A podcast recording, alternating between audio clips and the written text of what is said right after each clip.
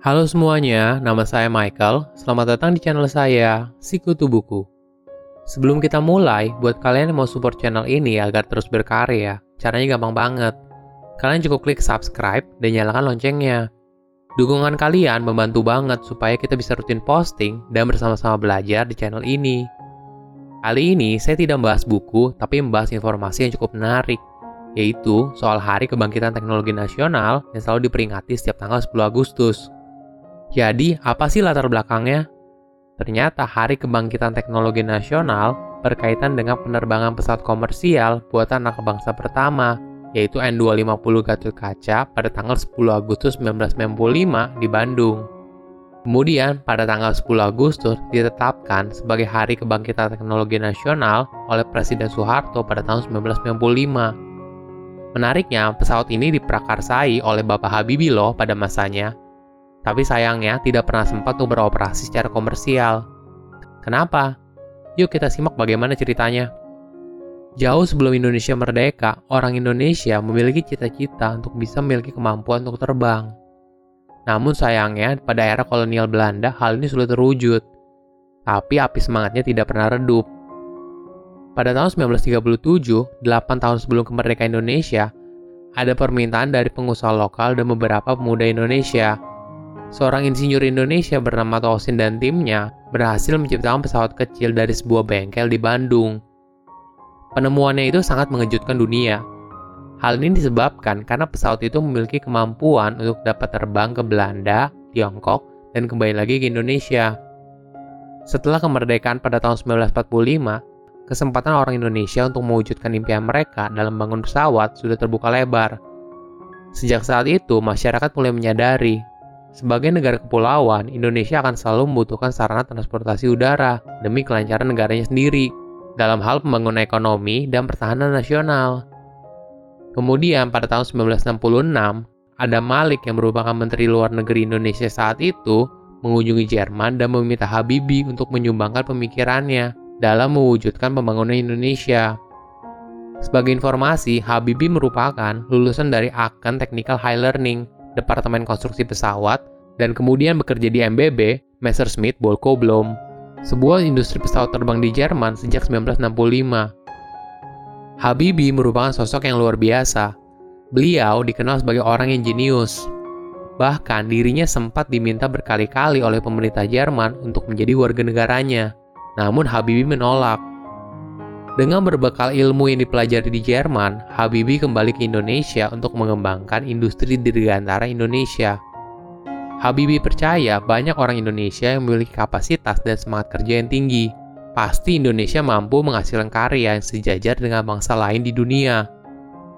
Dan pada awal 1970-an, tim dari Indonesia secara rutin dikirim ke Jerman untuk mulai bekerja dan mempelajari ilmu pengetahuan dan teknologi di bidang penerbangan di HFB atau MBB, tempat Habibie bekerja.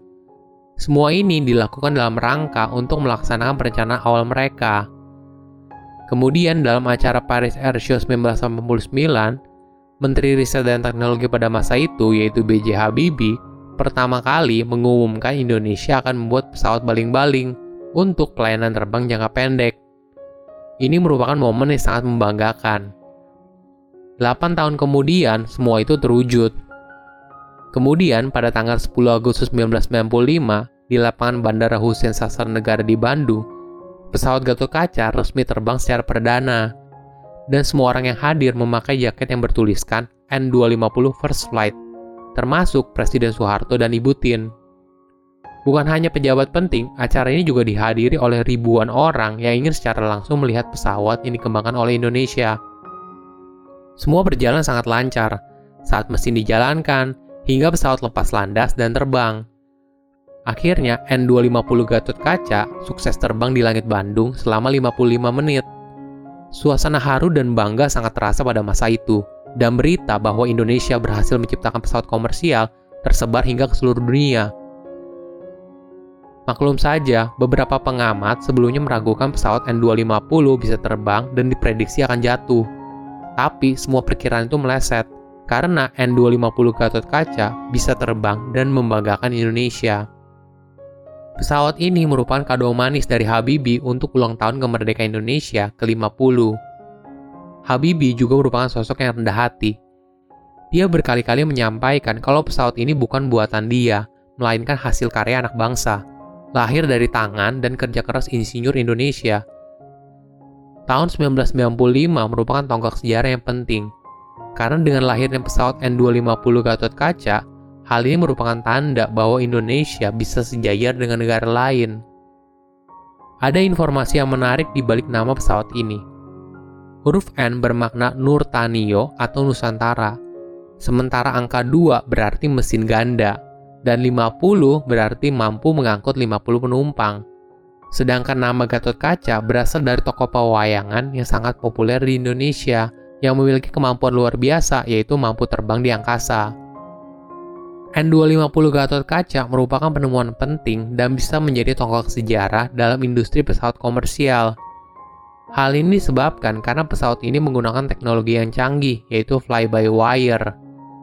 Dalam industri penerbangan, teknologi fly-by-wire baru mulai dikembangkan pada tahun 1990-an. Dengan teknologi ini, komputer bisa sewaktu-waktu mengambil alih kemudi pesawat jika pilot sedang lengah. Saat itu, di jajaran pesawat komersial, N250 adalah pesawat ketiga yang menerapkan teknologi ini. Setelah Boeing 747 asal Amerika Serikat dan Airbus A340 asal Eropa.